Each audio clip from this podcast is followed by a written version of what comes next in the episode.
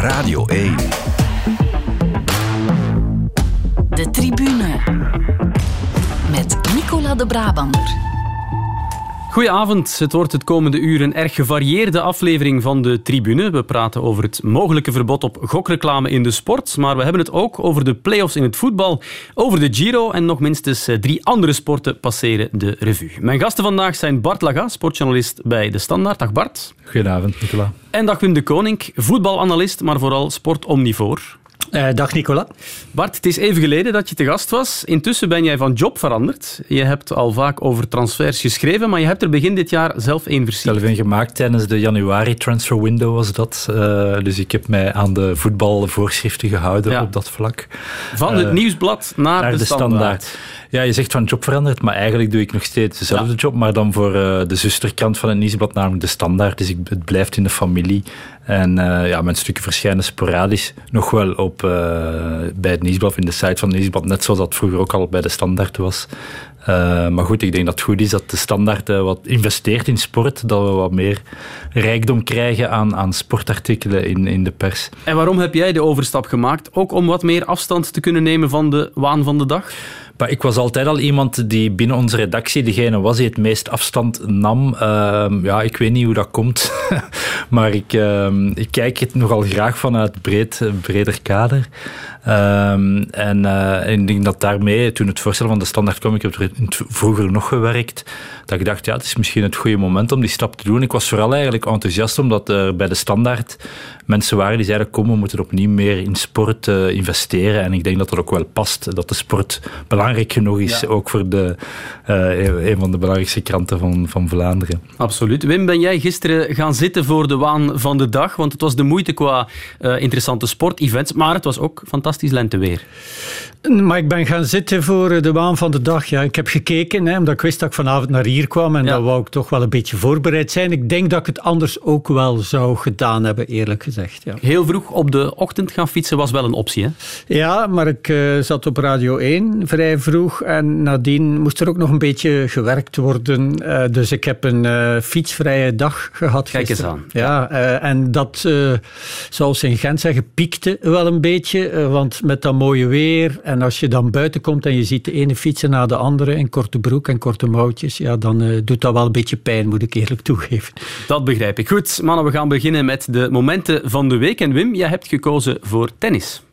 Well, uh, first of all, I want to congratulate Carlito. Um, I think right now you are the best player in the world, even though you're uh, still.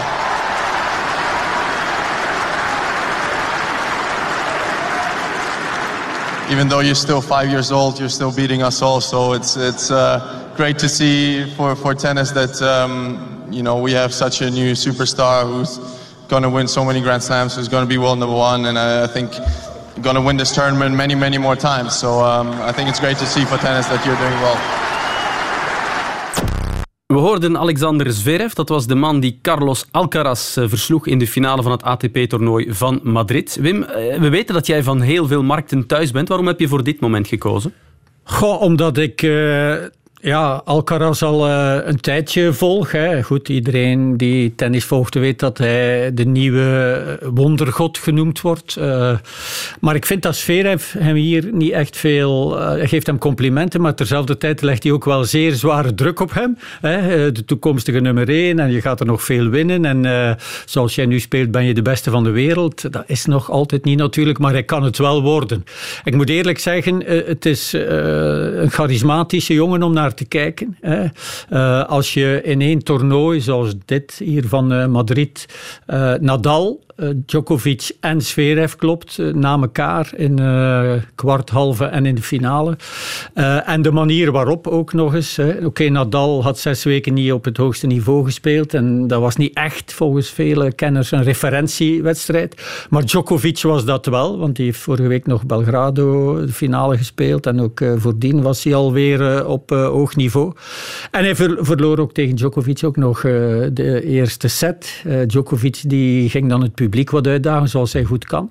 en ook Alcaraz, maar die liet zich niet vermurwen en die heeft nog de zaak rechtgezet. Iets wat tegen Djokovic heel erg moeilijk is.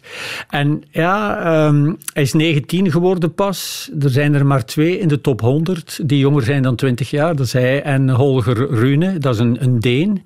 Uh, en het is niet zo evident dus om daartussen te, te komen. En hij staat nu in de top 10. En hij wordt al naar voren geschoven als favoriet voor Roland Garros.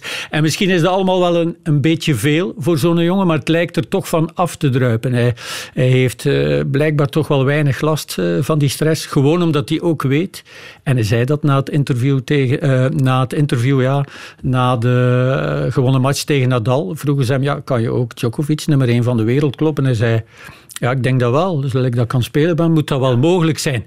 Dus ja, uh, en dat was geen bluff of dat was niet, geen hoog, hoogmoed of, uh, of grootspraak, verre van. Want hij deed het dan uiteindelijk. En het is voor het eerst sedert 1990 eh, dat er in zo'n toernooi, een duizend punten toernooi, iemand de nummers 1, 3 en 4 van de wereld ja, klopt. En dat, op drie, nooit gebeurd. drie dagen tijd. Hè? Op drie dagen is tijd. hij de nieuwe Nadal of is dat te kort door de bocht? Welke kwaliteiten heeft hij als tennisser? Goh, hij is uh, heel erg atletisch, is niet overdreven groot voor een moderne tennisser, 1,86. Ze neigen allemaal een beetje naar de 2 meter, uh, stilletjes aan. Uh, hij wordt eerder vergeleken met Federer door veel mensen, omdat hij een geweldige touch heeft. Hij heeft bijvoorbeeld een prachtige forehand dropshot die hij regelmatig gebruikt. Uh, en niet alleen als hij in de problemen zit, maar ook mentaal weet hij dat heel goed uh, op het juiste moment te gebruiken. Hij speelt al als een volwassene. Precies of dat hij al al die jaren in dat uh, circuit heeft gespeeld. Hij is op 15 jaar wel prof geworden. Heeft een geweldig team rond zich ook al vergaard. Dus ja, het is iemand waar veel van verwacht wordt. Gelukkig heeft hij ook een psycholoog en ik denk dat dat een goed is. Uh, want die, uh, ja, hij gaat zeer goed met de druk om. Alleen is de vraag, um, favoriet voor Roland Garros, dat is naar drie winnende sets. Kan hij dat al aan, fysiek? Misschien mogen wel. We hem, mogen we hem al beschouwen als favoriet of eerder nog als outsider? Um, hij wordt naar voren geschoven als favoriet. En dat is altijd gevaarlijk natuurlijk. Hè. Hij kan zo even goed de eerste ronde tegen een qualifier eruit gaan door de druk. Ja, je weet het nooit. En wat gebeurt er dan? Maar je ziet bij de mannen wel dat ze mentaal uh, meer overeind blijven dan bij de dames. Hè. Want als je ziet dat uh, uh, Raducanu bijvoorbeeld, die in Wimbledon geweldig naar boven kwam en die, als qualifier en die dan opeens de US Open wint, mm -hmm. dat die nu moeite heeft om ook maar een wedstrijd te winnen. Hè. En daar werd ook zeer veel van verwacht. Dus wat dat betreft hebben ze daar al toch wel wat voorsprong op genomen. Maar het is geweldig om hem te volgen. Heeft ook een coach, Juan Carlos Ferreiro, ex-nummer 1, die ook nog eens Roland Garros heeft gewonnen die heel erg rustig lijkt.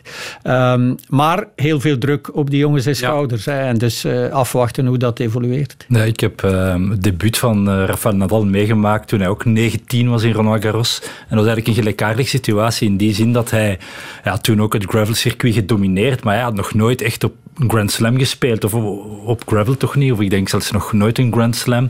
En iedereen vroeg zich af, ja, gaat die man het toernooi al kunnen winnen? Dat was eigenlijk geen enkel probleem. Die, die ging al, die stoof gewoon naar de finale. En ik denk dat het dan jaren na elkaar tot Söderling op bepaalde ogenblikken eh, op een blauwe maandag van hem won. Dat hij vijf jaar achtereen of zo dat toernooi won. Ja. Dus echt die kwaliteit komt er direct. En hij is eigenlijk een completere tennisser dan uh, Nadal. In, in, Nadal is ja. fantastisch op gravel. Ja, maar hij wordt Alcaraz meer, is, uh, ja. is completer. Ja, hij wordt meer vergeleken met Federer, ondanks dat hij een tweehandige backhand heeft, dat wel. Maar hij zou blijkbaar op alle terreinen uh, goed uit de voeten kunnen. Dus ook is, afwachten op gras. Ja, het is fantastisch nieuws. Hè? Een nieuwe wereldster misschien wel erbij in het tennis. Goed, voor het moment van Bart gaan we naar Miami. They're going for it. Max Verstappen on the inside has got Charles Leclerc and has taken the lead. DRS helping out the Red Bull. Extra pace helping out the Red Bull. The leaders swap round on lap nine here. Leclerc just didn't know which way to go to defend. I don't think he got any defense of the just sheer straight line speed of that Red Bull. Hey, Muhammad Ali told me when you're champ, Christmas Day is every day. It's another Christmas. Welcome to Miami. Yeah, thank you very much. I mean, it was an incredible Grand Prix, very physical as well, but uh, I think we kept it exciting until the end. Charles Chuck Leclerc, you and Verstappen have been rumbling with each other since you were kids on go karts. And you put on another great show here. Well, it was a very difficult race physically. Um, but, uh, but yeah, it's been tight since the beginning of the season, and uh, that's what we like to see. Awesome job, baby. Awesome job. Awesome job, baby. Zondagavond werd de allereerste grote prijs Formule 1 van Miami gereden. Uh, Bart, Verstappen won, maar uh, je hebt dit fragment niet per se gekozen om sportieve redenen. Het is vooral ook uh, de manier waarop ja, het allemaal is gebeurd daarin. ook om sportieve redenen. Dus ik zou ook wel niet te veel willen afdoen van de verdiensten ja. van Max Verstappen. het was een vrij saai race tot het moment dat de safety car moest tussenkomen. Een incident met Norris en Gasly op ja, een tiental ronden van het einde. En dan ja, kreeg Leclerc ineens wel kans om Verstappen weer op te jagen en uh, van de DRS gebruik te maken. En er waren wel spannende momenten dat Verstappen echt onder druk stond en zich echt nog als kampioen toonde, de druk afhield. En ze waren ook alle twee totaal uitgeput, uh, blijkbaar uh, drie kilo kwijt, puur van, ja, het was er zo vochtig en warm. En je zag dat ook aan die gezichten, ehm, ja, die waren echt uitgeput um, naar die podiumceremonie die nog eens heel lang duurde op zijn Amerikaans met zwaai, zwaantjes. Uh, die, ze moesten dan ook nog eens een idiote American football helm opzetten, want het uh, circuit lag naast ja. het stadion van de Miami Dolphins. Daar wou ik naartoe. Het was ja. allemaal echt een beetje over de top. Hè. Sommigen noemden ja. het zelfs een soort karikatuur van een Formule 1-wedstrijd. Ja, eigenlijk was het dat wel, maar het, het, grappige was dat het, die karikatuur niet zo bedoeld was natuurlijk. Uh, wij als Europeanen doorzien dat meteen. ja, het meest uh, um, ja, belachelijke voorbeeld, moet je eigenlijk zeggen, was dat ze de jachthaven van Monaco hebben proberen na te bouwen. Totaal fake. Um, ja, boten op, op water. Je kon daar dan gewoon tussen gaan wandelen. Dat was, dat was plastic, blauw, blauwe, blauwe folie. plastic, ja. Er zijn dus uh, hilarische foto's gemaakt op sociale media. Vind je dat terug van mensen die daar gingen? Want dat lag daar gewoon naast dat circuit. Ja, je kon het zo gek niet bedenken van ja, hoe, hoe dat die Amerikanen naar die, de Formule 1 kijken. En dat is dan wel interessant, want uiteindelijk is het Formule 1-circuit ook mede eigendom van uh, Amerikanen. En, en zie je, er zijn nu al twee Grand Prix op de kalender. Dus dit was de eerste in Miami. Je hebt er nog eentje in Austin later dit seizoen. Ik denk vanaf volgend jaar of het jaar nadien komt Las Vegas erbij. Dus dat gaat nog, nog meer show worden natuurlijk. Dat zijn al drie grote prijzen in de VS. Dus je gaat alleen maar die trend zien toenemen naar meer show. Um, en uh, ja, ik koos ook het fragment omdat het is bij, ja, ik denk niet dat uh, um, een rijder in Europa al snel baby zal genoemd worden door de interviewer. dat, uh, dat, vond ik, dat eigenlijk ook wel charmant. Het heeft zijn charme, maar de vraag is, moeten we daarvoor dan een paar traditionele circuits, Europese bijvoorbeeld, ik denk maar aan misschien Francorchamps in de toekomst, die komen in gevaar. Moeten we die dan niet meer uh, rijden? Want dat, ja, dat, dat risico is, bestaat wel. Dat is natuurlijk de klassieke discussie tussen traditie en commercie die in heel veel sporten heerst, maar natuurlijk in het bijzonder in de Formule 1, net omdat het zo'n geldverslindend circus is. Dus ja, wie kan die grote prijzen organiseren? Je ziet al langer een trend aan de gang van die landen als Baku, Azerbeidzjan. Ja, Rusland had je, maar die is dan van de kalender verdwenen uiteraard, in Sint-Petersburg. Ja, je ziet dat dat soort landen die uh, ook in de, de, de oliestaten, uh, begin van Saudi-Arabië, Arabien eh, Oman, Qatar hebben allemaal circuits, Abu Dhabi. Uh, je ziet dat die landen doen het nog allemaal. Uh, maar ja, iemand moet, moet natuurlijk plaatsmaken daarvoor. Van de andere kant, ja, vanaf uh, volgende week al, denk ik, komt het circus terug naar Europa. En dan, binnen, dan heb je in Spanje Monaco en, en dan heb je wel alle... Ik denk dat de meeste klassieke circuits er nog, nog wel tussen zitten. Zandvoort is erbij gekomen weer in Nederland. Dus ik vind dat dat eigenlijk nog wel meevalt persoonlijk. En ja, laten we eerlijk zijn, Nicola. Formule 1 is gewoon show en spektakel. En de mensen kijken ook om de crashes te zien en om de inhaalmanoeuvres te zien. En, en ik denk dat, uh, ja, ik denk dat die sport er uiteindelijk wel een nood aan heeft dat er wat meer bij komt, omdat het verleden toch soms wat te saai was. Ja, een beetje meer entertainment, een beetje meer spektakel. De tribune. Bart, we hebben jouw moment net gehad, maar jouw tweede suggestie was minstens even relevant. En dan heb ik het over het voorstel dat minister van Justitie Vincent van Quickenborne maandag lanceerde in verband met het mogelijke verbod op gokreclame in ons land. Hij gaf vanmorgen meer uitleg in de ochtend. Hokken is het nieuwe roken geworden. En intussen weten we allemaal dat tabaksreclame niet hoort eh, in ons land. Nou, zouden we nog raar vinden mocht dat nog gebeuren. Serieus, maar ik denk dat hetzelfde geldt voor hokreclame. We gaan ook die richting uit. Ja, u zegt in corona is het eh, geëxplodeerd. Dat is omdat we binnen zaten en dus nog meer schermen en reclame tot ons? Ja, je kunt gokken online, je kunt gokken offline, dat weten we allemaal. Uh, maar de reclame die we nu verbieden is offline en online. Dus op straat zal het worden verboden, in de kranten, op televisie, bioscopen. Maar ook online gaan we daar heel duidelijke regels aan stellen. Eh, omdat we gewoon zien dat eh, reclame eigenlijk een beetje de, de, de, de brandversneller is om mensen te doen, te doen gokken. Ja, Bart, logisch dat ook dit nieuws jou triggerde, want eh, als dit koninklijk besluit er komt, als gokreclame verboden wordt, ja, dan zal dat stevige gevolgen hebben hè, voor de sportsector in ons land. Ja, wel, het koninklijk besluit is er al. Het moet natuurlijk nog wel passeren via een aantal, uh, de Raad van State, met Europa misschien ook nog zijn advies geven over hoe dat tegen de concurrentieregels is of niet. Um, dus het heeft nog wel een lange weg af te leggen, maar het is, men, ja, is toch wel menens... Uh, um, om, om dat uit te voeren. Ja. Dus ik denk dat het voor de sportsector deze morgen onprettig ontwaken is. En men ja, is al snel over het voetbal begonnen, maar je hebt niet alleen het voetbal. Hè. Je hebt ook het wielrennen. Bijna elke Belgische wielerploeg heeft een gokbedrijf als sponsor. En dan denkt iedereen spontaan aan Lotto. Ja. Uh, maar ja, de Nationale Loterij blijft voorlopig buiten schot, want valt niet onder de bevoegdheid van Vincent van Quickenborne. Maar ook bijvoorbeeld uh, Quickstep Alpha Vinyl uh, heeft een, een goksponsor Napoleon op de, op de, op de mouw staan en, en Bingo uh, Sauzen is, heeft gewoon een uh, gokbedrijf als hoofdsponsor, de, de pro-continentale Belgische ploeg. Uh, het volleybal, uh, het was nog in het nieuws, uh, daar draait de Liga de, op, op um, die bijdrage. Dus ja, dit, dit gaat wel even slikken worden. Ja, de Nationale Loterij zou er misschien nog behoorlijk goed vanaf kunnen komen. Dat is ook iets wat Van Quickenborne misschien wel voor een deel naar staatssecretaris Sami Medi duwt. Of zijn opvolger. We zullen zien welke carrièrekeuzes Medi maakt. Um, maar het is natuurlijk, Wim, een heel wijd verspreid iets in de sport. En het is dan ook logisch dat er veel reactie op komt vanuit die sportwereld.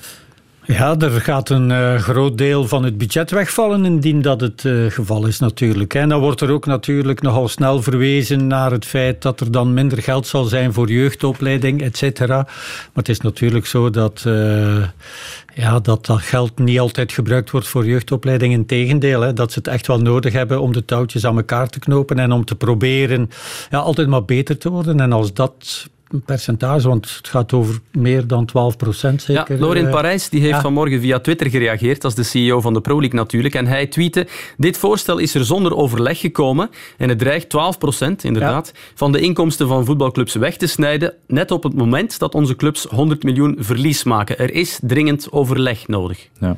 Het gaat om 10 miljoen euro, dat heeft hij nadien nog gezegd, ook bij jullie uh, in uh, de radio. Um, nu, dat is een behoorlijk bedrag, maar dat gaat dus om 10 miljoen euro voor alle clubs. Dus ik zou het ook niet te zwart-wit stellen. Het is, dit, is, dit gaat die clubs ook niet helemaal aan de bedelstaf brengen of zo. Ze, ze, het is natuurlijk een bittere pil, vooral uh, in een context waarbij zij eigenlijk al veel geld moeten afstaan aan de overheid. Of beter gezegd, een korting die ze kregen op sociale fiscale lasten, die natuurlijk wordt teruggeschroefd, waardoor ze dus in vergelijking met vroeger 50 miljoen al uh, minder inkomsten hebben. Daar komt dit bedrag nu nog bij. Dus die clubs zijn eigenlijk om die reden een beetje misnoegd. Maar op zich de gokreclame, uh, we hebben het ook gezien met de tabaksreclame. Vroeger heeft men ook altijd gezegd, Francorchamps gaat verdwijnen als er een verbod op tabaksreclame komt die grote prijs van Francorchamps is er nog altijd. Um, was wel zwaar verlieslatend vorig jaar, dat had dan met andere redenen te maken. Um, maar dus het is je moet het wel een beetje in de juiste verhoudingen zien. Uiteraard, het is een zware klap voor uh, de sport. Maar het is nu niet zo dat de sport levensbedreigd uh, gewond geraakt door deze maatregelen. Er, er, kwam ook tegenwind uh, politiek. Georges-Louis Boucher, dat is niet uit onverwachte hoek, hè, dat, dat die feedback kwam. Nee, want hij is voorzitter van een voetbalclub. Hè. Dus ja, uh, dus die steunt natuurlijk die partij ook wel een beetje. Um, ja, er wordt gezegd van als het ja, allemaal aan banden gaat worden gelegd, gaat er veel meer illegaal gegokt worden. Hè, en zal de ravage nog groter zijn, want ja, we spreken toch stilaan van een ravage en van heel veel zware verslavingen, uh, waar mensen mee in de problemen komen. Dus dat Van Quickenborne daar iets aan doet, dat is ook niet meer dan logisch natuurlijk. Maar dat iedereen ja, voor zijn eigen schermt, dat is ook uh, logisch. En dat ze dan andere uh, sponsoring gaan moeten aanboren. Want het, gaat maar, het zou maar ingaan op 2025. Hè. Dus ze hebben nog wel wat tijd. Voor de sport zijn er overgangsmaatregelen. ja, zijn er overgangsmaatregelen, hoorde ik. Uh, dus ja, er is nog wel drie jaar om, uh, om dat uh, te gaan overbruggen. Of ja, om te gaan argumenteren waarom het wel zou kunnen. Maar ze kunnen natuurlijk niet, zoals ze bij uh, alcoholische dranken doen, een 0,0 procent uh, sponsoring doen. Hè, want ja, onze voetbalcompetitie uh, wordt gesponsord nog altijd door, door alcohol, hè, maar wel 0,0. Maar met gokken lukt dat waarschijnlijk niet. Hè. Ja. Jurgen Mettepenning heeft ook gereageerd. Je had het daarnet al over uh, Paul Sauze Bingo. Uh, hij zei, ja, deze wet stemmen uh, is tekenen voor economische crisis. Ja, dat, voor is dan, dat is dan natuurlijk veldrijden, dat, wielrennen. Dat geldt dan voor hem. Inderdaad, in het veldrijden zien we dan nog met bijna alle ploegen echt uh, sterk ervan afhankelijk zijn. Ja, ik kan, dat, ik kan dat geloven. En ik denk dat vooral eigenlijk de bepaalde kleinere clubs die er sterk afhankelijk van zijn geworden, um, er het meest onder zullen lijden. Ik denk dat bijvoorbeeld um, ja, bij Antwerpen hebben we gezien, hè, toen met de zaak Overmars de ene sponsor na de andere aankondigde van uh, ja, we, we, zijn hier weg. Dat Paul Gijsens niet echt onder de indruk was. Hè. Die zijn schouders zijn sterk genoeg. Maar je hebt andere ploegen en uh, ik denk dan bijvoorbeeld, uh, ik kijk nu richting Wim en ik denk spontaan aan, aan Waregem. Zulte Waregem zeker, ja. heeft als hoofdsponsor een goed bedrijf ja. sinds twee seizoenen.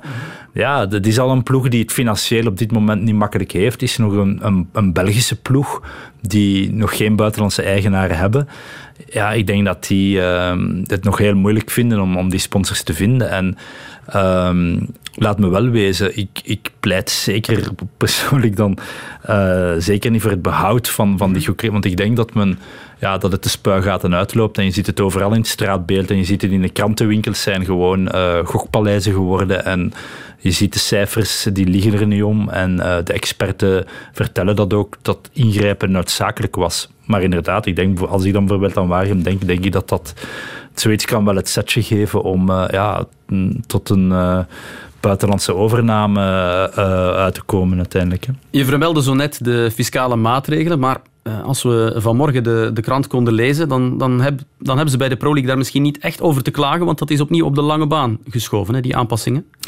Ja, en ik denk dat ze die, al die, die discussies aan elkaar zullen verbinden en tegen de overheid zullen zeggen van ja, kijk, jullie, jullie gaan zoveel geld halen hier, maar als we ook nog daar en daar en daarvoor moeten afstaan, dan zijn we niet levensvatbaar. En uiteraard, ja, eh, politici zullen het voetbal nooit helemaal tegen de haren willen strijken. Dus ik denk wel dat men uiteindelijk tot, een, manier... Er is al sprake van overgangsmaatregelen. Dus ik denk wel dat men uiteindelijk tot iets zal uitkomen dat uh, verteerbaar is voor de clubs. Maar dat de gokreclame uh, aan banden wordt gelegd, ja, daar ben ik wel vrij zeker van. En ik denk dat de maatschappelijke consensus in ons land ook vrij groot is om dat te doen. Omdat iedereen ook de verhalen kent van gokverslavingen en... en hoe zwaar die kunnen zijn en hoe verwoestend die kunnen zijn voor gezinnen. Um, ja.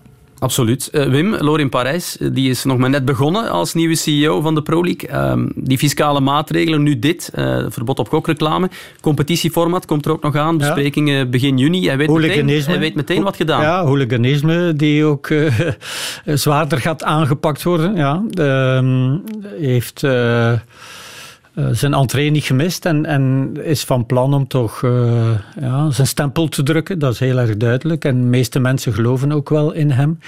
Uh, en dat is misschien wel goed dat het iemand is die dan niet in het voetbal zat, die het ook van buitenaf heeft kunnen bekijken als politieker. En die dus de twee kanten ook kent. Dus ja, heel veel werk voor hem. Um, en, maar vooral dat competitieformat, dat, dat wordt de zwaarste dobber, denk ik dan. Uh, om daar iedereen ja. tevreden te stellen, dat zal niet lukken. Het laatste woord is er nog niet over gezegd, inderdaad. De tribune.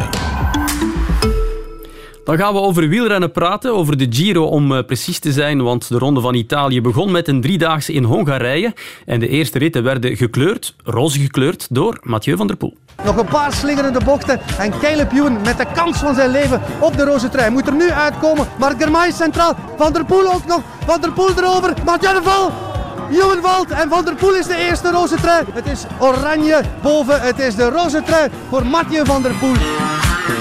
Ik ga zoals in de Tour uh, proberen die trui te behouden natuurlijk. En ja, moet, moet misschien wel mogelijk zijn als ik terug zo'n goede tijdrit kan doen als in de Tour. Maar het is altijd even afwachten natuurlijk. An incredible performance from Simon Yates. Five seconds quicker than Tom Dumoulin, the time trial of his career. Het wordt een secondenspel. Daar is de boog en de seconden tikken weg. Maar het is Simon Yates die de etappe wint. En Van der Poel is tweede en behoudt de roze trui. Uiteindelijk is het misschien jammer dat je net naast die, naast die zegen grijpt. Maar het is ook moeilijk om teleurgesteld te zijn omdat je die trui toch houdt. Ja, Wim. Uh, eerste Giro-deelname voor Van der Poel. Eerste rit en meteen roze. Dat kan alleen als je Van der Poel heet, hè? Ja, denk het wel. Hè. Uh, hij was de grote favoriet, omdat het een aankomst was die hem wel moest liggen. Maar je weet het nooit, maar hij doet het natuurlijk wel. Hè. En, uh, het was indrukwekkend, de manier waarop hij daar uit zevende, achtste positie toch eigenlijk wel. Op een gegeven moment schakelen ze ook over van beeld. En, en het is precies alsof hij nog een extra lengte of twee moet laten.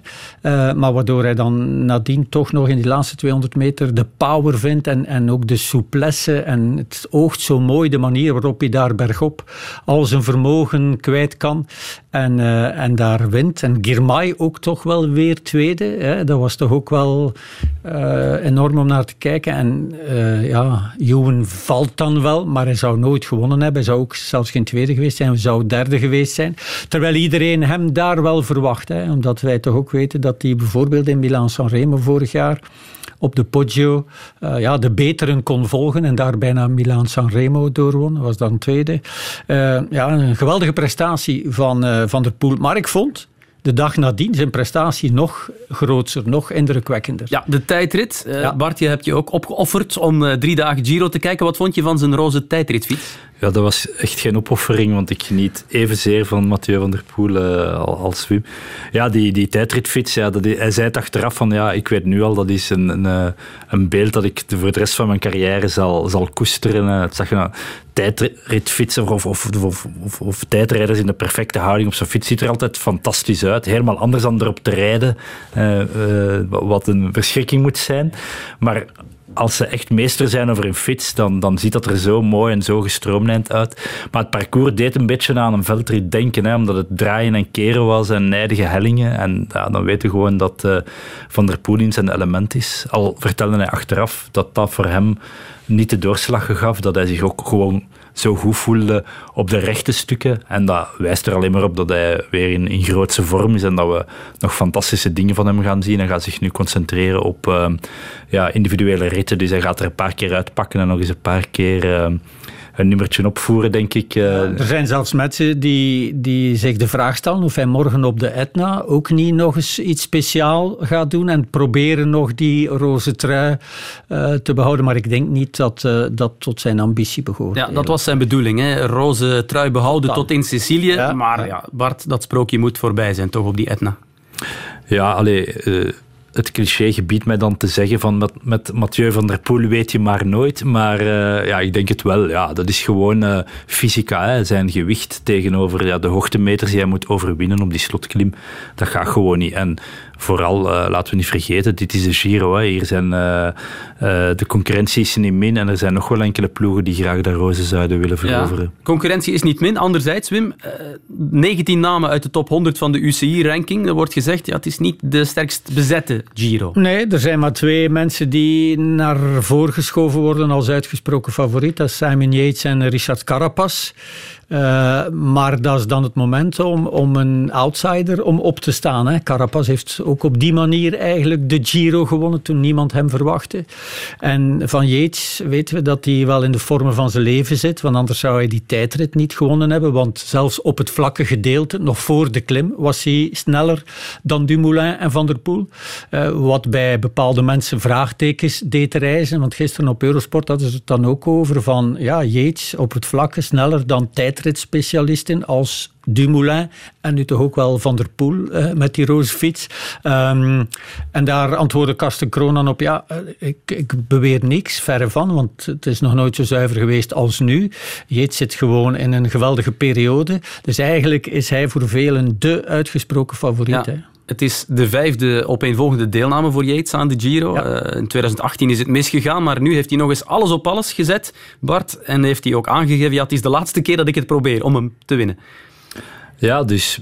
Maar ik geloof persoonlijk wel meer in Carapaz. Uh, ja? ik, ik, kan niet te veel mee in het Simon Yates verhaal. Bradley Wiggins die heeft nogthans gezegd na de tijdrit, ja, voor mij is hij nu al de grote favoriet op de eindzege, maar jij bent het niet noodzakelijk... Uh, Omdat Yates altijd een moment heeft van uh, in die drie weken dat hij het laat afweten. En... Eén dag, maar dan voor 15 minuten ja. meestal. Hè? Ja. En, en, en ik denk dat de Giro bij uitstek um, een, een ronde is die zich leent tot dat soort momenten dat je tegen een, een serieuze patat kunt aanlopen.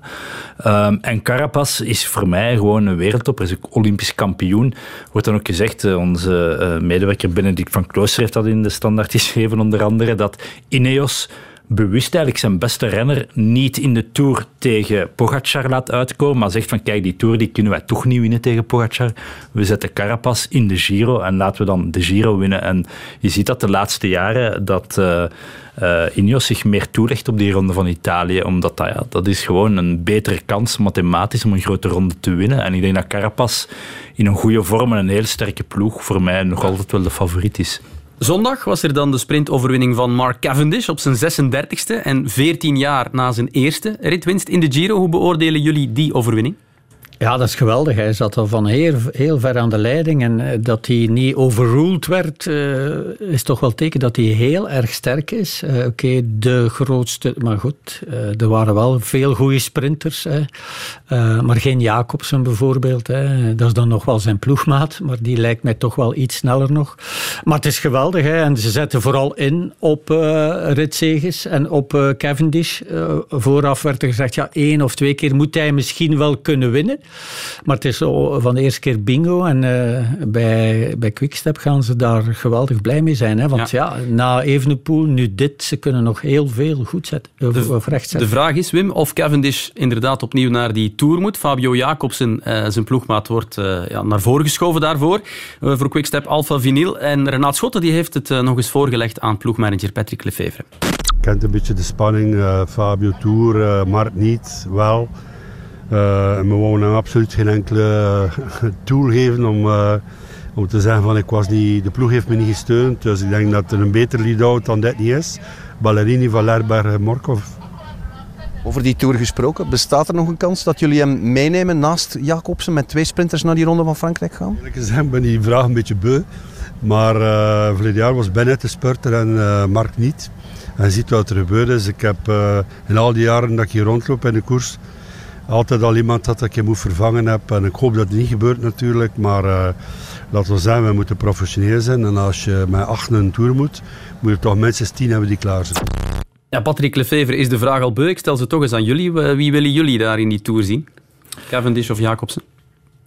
Ja, Jacobsen zou zeker geen verkeerde keuze zijn. Hè. Um, maar ja, Cavendish is een winnaar. Hè. Ik denk dat hij, ja, heeft nu die eerste rit gewonnen. We hebben de vorige keer ook in de Tour gezien. Meestal als Cavendish wint, wint hij niet één, maar wint er twee, drie, vier op een rij. Um, ik vind het wel een typische ploegenleidersreactie van uh, Patrick de Vever om te zeggen van ja, ja hij heeft een fantastische trein. Uh, alsof, uh, hij gaat toch altijd dan proberen de waarde van die ploeg mee naar voren te halen dan puur de kwaliteiten van die sprint. Maar voor mij is ja, Kevin dus duidelijk nog altijd wereldtop. Ja. Dus ik zou, ja, ik zou hem proberen mee te nemen. Ja. Tuurlijk, als hij de Giro gaat uitrijden, dan wordt dat misschien wel wat veel hè, op zijn leeftijd. Um, hangt er een beetje van af ook. Ja, wat kan er nog allemaal niet gebeuren? Hè? Massasprinten zijn wel gevaarlijk en blijven gevaarlijk. Uh, maar indien hij er nu een stuk of drie, vier ook zou winnen, uh, met andere woorden, bijna alle massasprinten hier in de Giro, want gaan er niet te veel zijn, uh, ja, dan dan kan je hem misschien wel niet thuis laten. Dan leg je zodanige druk op Jacobsen, die dan verplicht is in, om in de Tour hetzelfde te doen als Cavendish nu en vorig jaar in de Tour. Wat niet vergeten, eigenlijk was Cavendish afgeschreven. Hè. Er was geen sprinter meer, hè. hij vond geen ploeg meer. En uh, omdat hij zelf heeft aangedrongen bij Lefebvre en veel financiële water in zijn wijn heeft gedaan, uh, is hij dan toch nog weer heropgevist. Maar ja, nu uh, is toch geweldig dat hij, dat hij... En hij is ook de eerste natuurlijk om altijd weer uh, die sprinttrein te loven. Hè? Want ja, zo'n Morkov blijkt toch wel de beste ja. man te zijn als lead-out in de wereld. Hè? Bart, tot slot, wat vond je van die Grande Partenza in Hongarije? Moeten we dat toejuichen, Hongarije? Ik vond dat Thijs Sonneveld, de Nederlandse uh, columnist, daar een, wel een, een gevatte reactie op had. Hij zei van ja, WK Qatar, uh, WK in Rusland. Uh, ja, de sportliefhebbers zijn het ondertussen wel gewend van, van grote sportevenementen in, in een beetje twijfelachtige regimes te zien. Dus toejuichen, nee, ik zou dat niet toejuichen. Daarnaast is er nog, ja, laten we zeggen, de groene ecologische bedenking van hey, La Circus. Dan moeten, moeten, waar moeten die dan van Budapest dan weer helemaal naar Sicilië vliegen? Uh, dat brengt ook kosten met zich mee met die ja. ploegen. Lefevre heeft daar ook nog over geklaagd. Van de andere kant, ik heb de Giro ooit eens zien aankomen, de Citadel van Namen. Uh, dat was toen met ja. Stefan Schumacher. Ik heb nog nooit iemand zo snel, zo stijl omhoog zien fietsen. Achteraf bleek dan weer dat hij wel dat man, tijd, die man ja. vol met spul zat. Uh, maar ik vond dat dan wel fantastisch, die Giro is in België toen te zien. Dus ik ergens, ja, oké, okay, ik vind het ook wel mooi. Ja. We blijven het volgen natuurlijk. De Giro die eindigt pas op 29 mei. Radio 1. De tribune. Tijd voor volleybal nu, want sinds zaterdag kennen we de Belgische landskampioen. Een dertiende titel is het geworden voor knak Roeselare, dat zichzelf opvolgt als kampioen. Roeselare klopte de West-Vlaamse buren, Menen. En onze sportzaak-collega Mark Willems die was erbij als commentator. Mark, je bent op vakantie, maar zelfs dan mogen we jou storen om over volleybal te praten. Waarvoor dank? Dat is heel graag gedaan, Nicola, geen probleem. Mark, we kennen de nieuwe landskampioen in het volleybal. Al is nieuw relatief natuurlijk. Roeselare volgt zichzelf op. Is er twijfel geweest dit seizoen of dat zou lukken? Uh, in de loop van het seizoen wel, in de finale niet meer. Uh, in de loop van het seizoen wel. Uh, op een bepaald moment ja, maakte Mazeik toch tamelijk veel indruk toen ze gewisseld hebben van coach. we wonnen ook tegen Roeselare en dan was het ja, toch zo'n beetje twijfel van uh, ja, wie wordt het, Mazeik of Roeselare. Maar dan zijn die play-offs eraf, er aangekomen. Heeft Mazeik wat steken laten vallen. En uh, had Roeselare op een bepaald moment bij de laatste play-off match uh, ja, eigenlijk het, zijn eigen lot in handen. Ze konden kiezen om het zo uit te drukken, of ze Mazeik in de finale wilden of Menen, want de laatste match was uh, Menen-Roeselare. Uh, als Mene die match won, dan uh, speelde zij de finale. Ja, die match was dus tegen Roeselare. En men zal dat bij Roeselare misschien niet zo duidelijk toegeven. Maar neem maar van mij aan dat ze zelf gekozen hebben van we nemen toch best geen risico's. Uh, we spelen liefst de finale tegen Mene en niet tegen Mazeik. En dan ja, in die finale, ja, de, cijfers zijn duidelijk. Hè. Uh, drie matchen, uh, drie keer 3-0. ja, dan was, was er geen enkele twijfel. Roeselare zou opnieuw kampioen worden. Ja. Ja, kampioen zonder setverlies inderdaad in die finale. Wie was de uitblinker eigenlijk dit seizoen en in de play-offs bij Roeselare? Goh, uh, ja, ik, ik zou verschillende namen kunnen noemen. Uh, ik ben... Uh, ik heb vroeger ook in een ver verleden als spelverdeler gevolleybald. En ik ben dus een beetje ge, gecharmeerd door goede spelverdelers. Dus Stijn Dulst vind ik fantastische spelverdeler. Ja. gouden handen. dus ja, die, die laat die ploeg draaien. Maar een spelverdeler is natuurlijk altijd wat afhankelijk van de receptie. Hoe goed komt die receptie? En de libero is vaak in het volleybal iemand die ja, in de schaduw werkt, een dienende rol heeft. Maar als ik Stijn de Jong, uh, Stijn de was vroeger natuurlijk de libero. Als ik nu Dennis de Roei bezig zag in die finale, ja, die, die heeft ook heel sterk gespeeld en ermee voor gezorgd dat Stijn uh, geweldig kon, kon verdelen. Dus toch een pluim voor Dennis de Roei. En dan ja, de twee hoekspelers, uh, die zijn bij Roeselare heel belangrijk. Captain Matthijs Veranneman was heel sterk in de finale reeks. ook Matthijs de Smet, die nu naar Italië trekt, was heel sterk. Uh, dus ja, eigenlijk verschillende mensen. Je, je wint in het volleybal niet snel een titel met één man, tenzij je echt een, een wereldtopper heeft, uh, zo'n ploeg. Uh, maar dat, dat hebben ze nu ook bij Roeslaar niet. Dus ik zou verschillende namen noemen die ik genoemd heb. En, Dennis de Rooij als libero, Stijn Dulst, Matthijs Veralleman, Matthijs de Smet. En die andere mannen hebben ook een goede finale gespeeld. Maar goed, laat ons het bij die, bij die vier dan houden. Ja, over Menen moeten we het natuurlijk ook hebben. Um, hun seizoen was heel erg bijzonder. Het is al straf dat ze die finale nog hebben gehaald natuurlijk.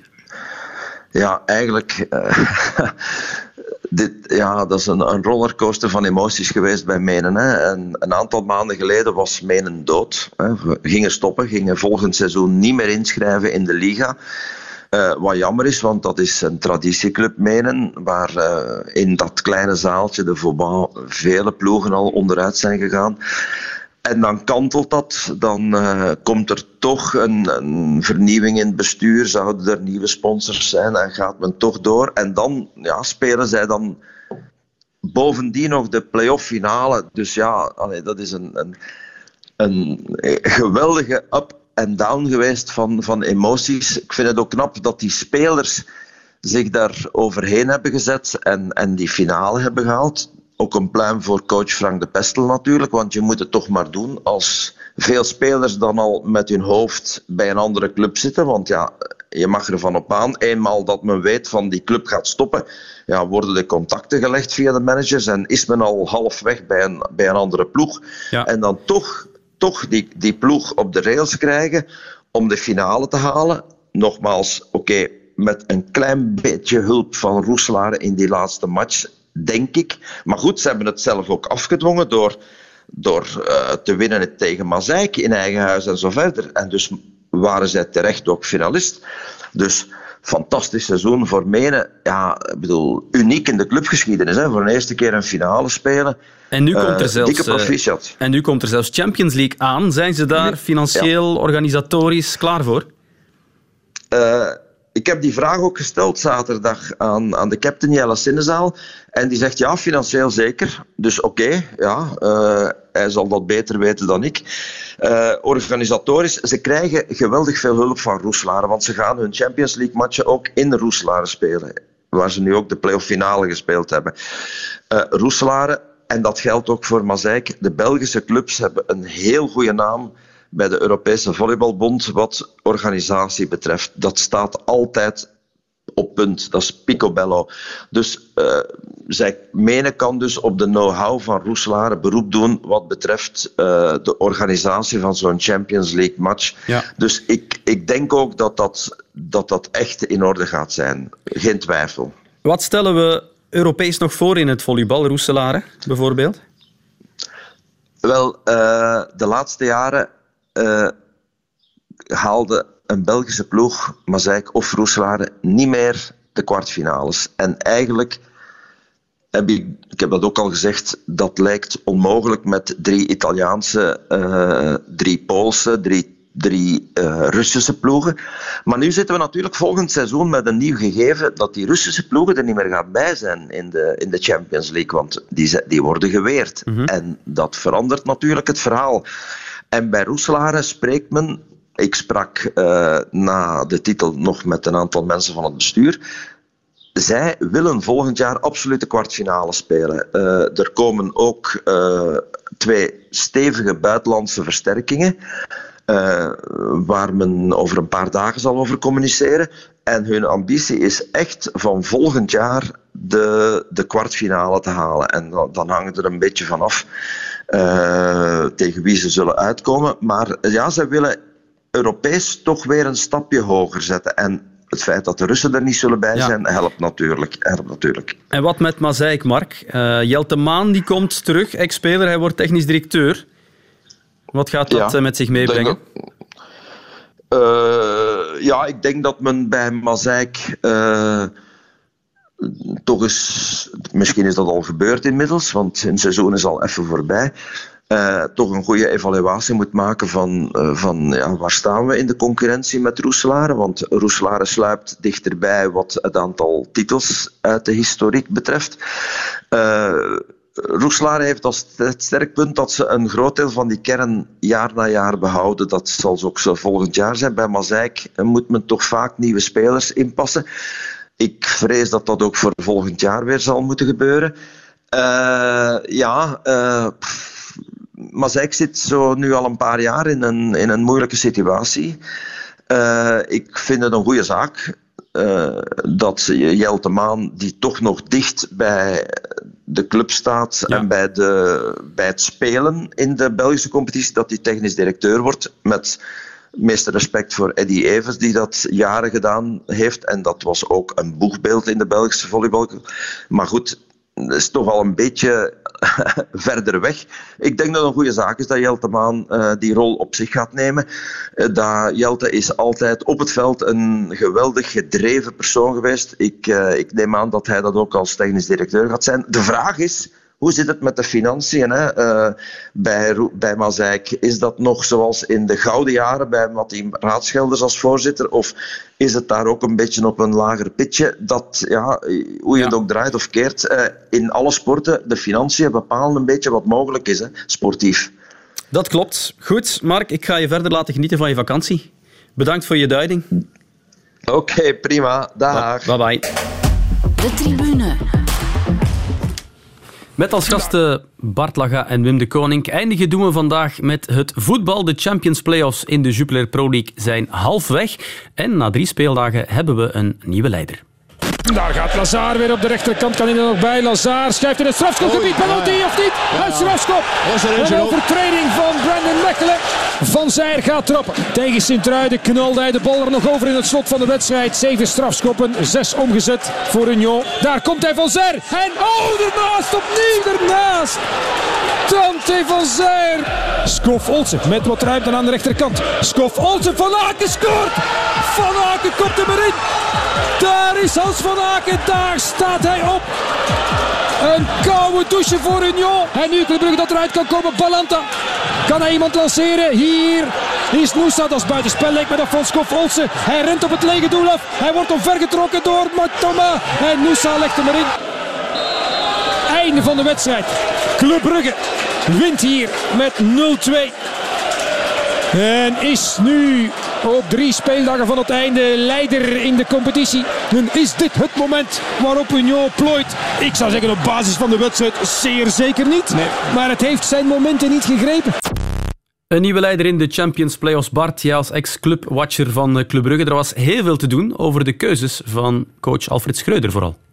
Ja, en terecht, de zegen. Terecht, denk ik. Hè. En achteraf uh, hebben we het hem gevraagd. Ik vroeg dan ook, ik vroeg dan ook van ja, Scovolsen, waarom zat hij op de bank? Maar ja, het was erg makkelijk voor uh, Alfred Schreuder om uh, te reageren op die, op die beslissing, want hij had tenslotte gewonnen. Dus hij legde het allemaal achteraf uit alsof het op voorhand zo bedacht was. En hij zei dan In de rug duiken van Nielsen, dat was de specifieke opgave, zei hij. ja, inderdaad. En hij, hij zei ook van, kijk, ja, we hadden meer defensieve stabiliteit nodig op het middenveld, omdat er iets er niet was. En, en we, we moesten de wingbacks van uh, Union uh, aan banden leggen. Dus dat wees er toch wel op dat hij zich erg aan de tegenstander had aangepast om te beginnen. Dus dat vond ik al vrij onbrugs. Maar vooral dat je eigenlijk drie spelers, hè, je moet Rits al missen, maar je gaat dan ook eens de ketelaar op andere positie zetten. Je gaat dan nog eens maar je, je revelatie van na nieuwjaar op de bank zetten. Die, ja. Daar zijn gewoon geen uh, woorden voor. Wim?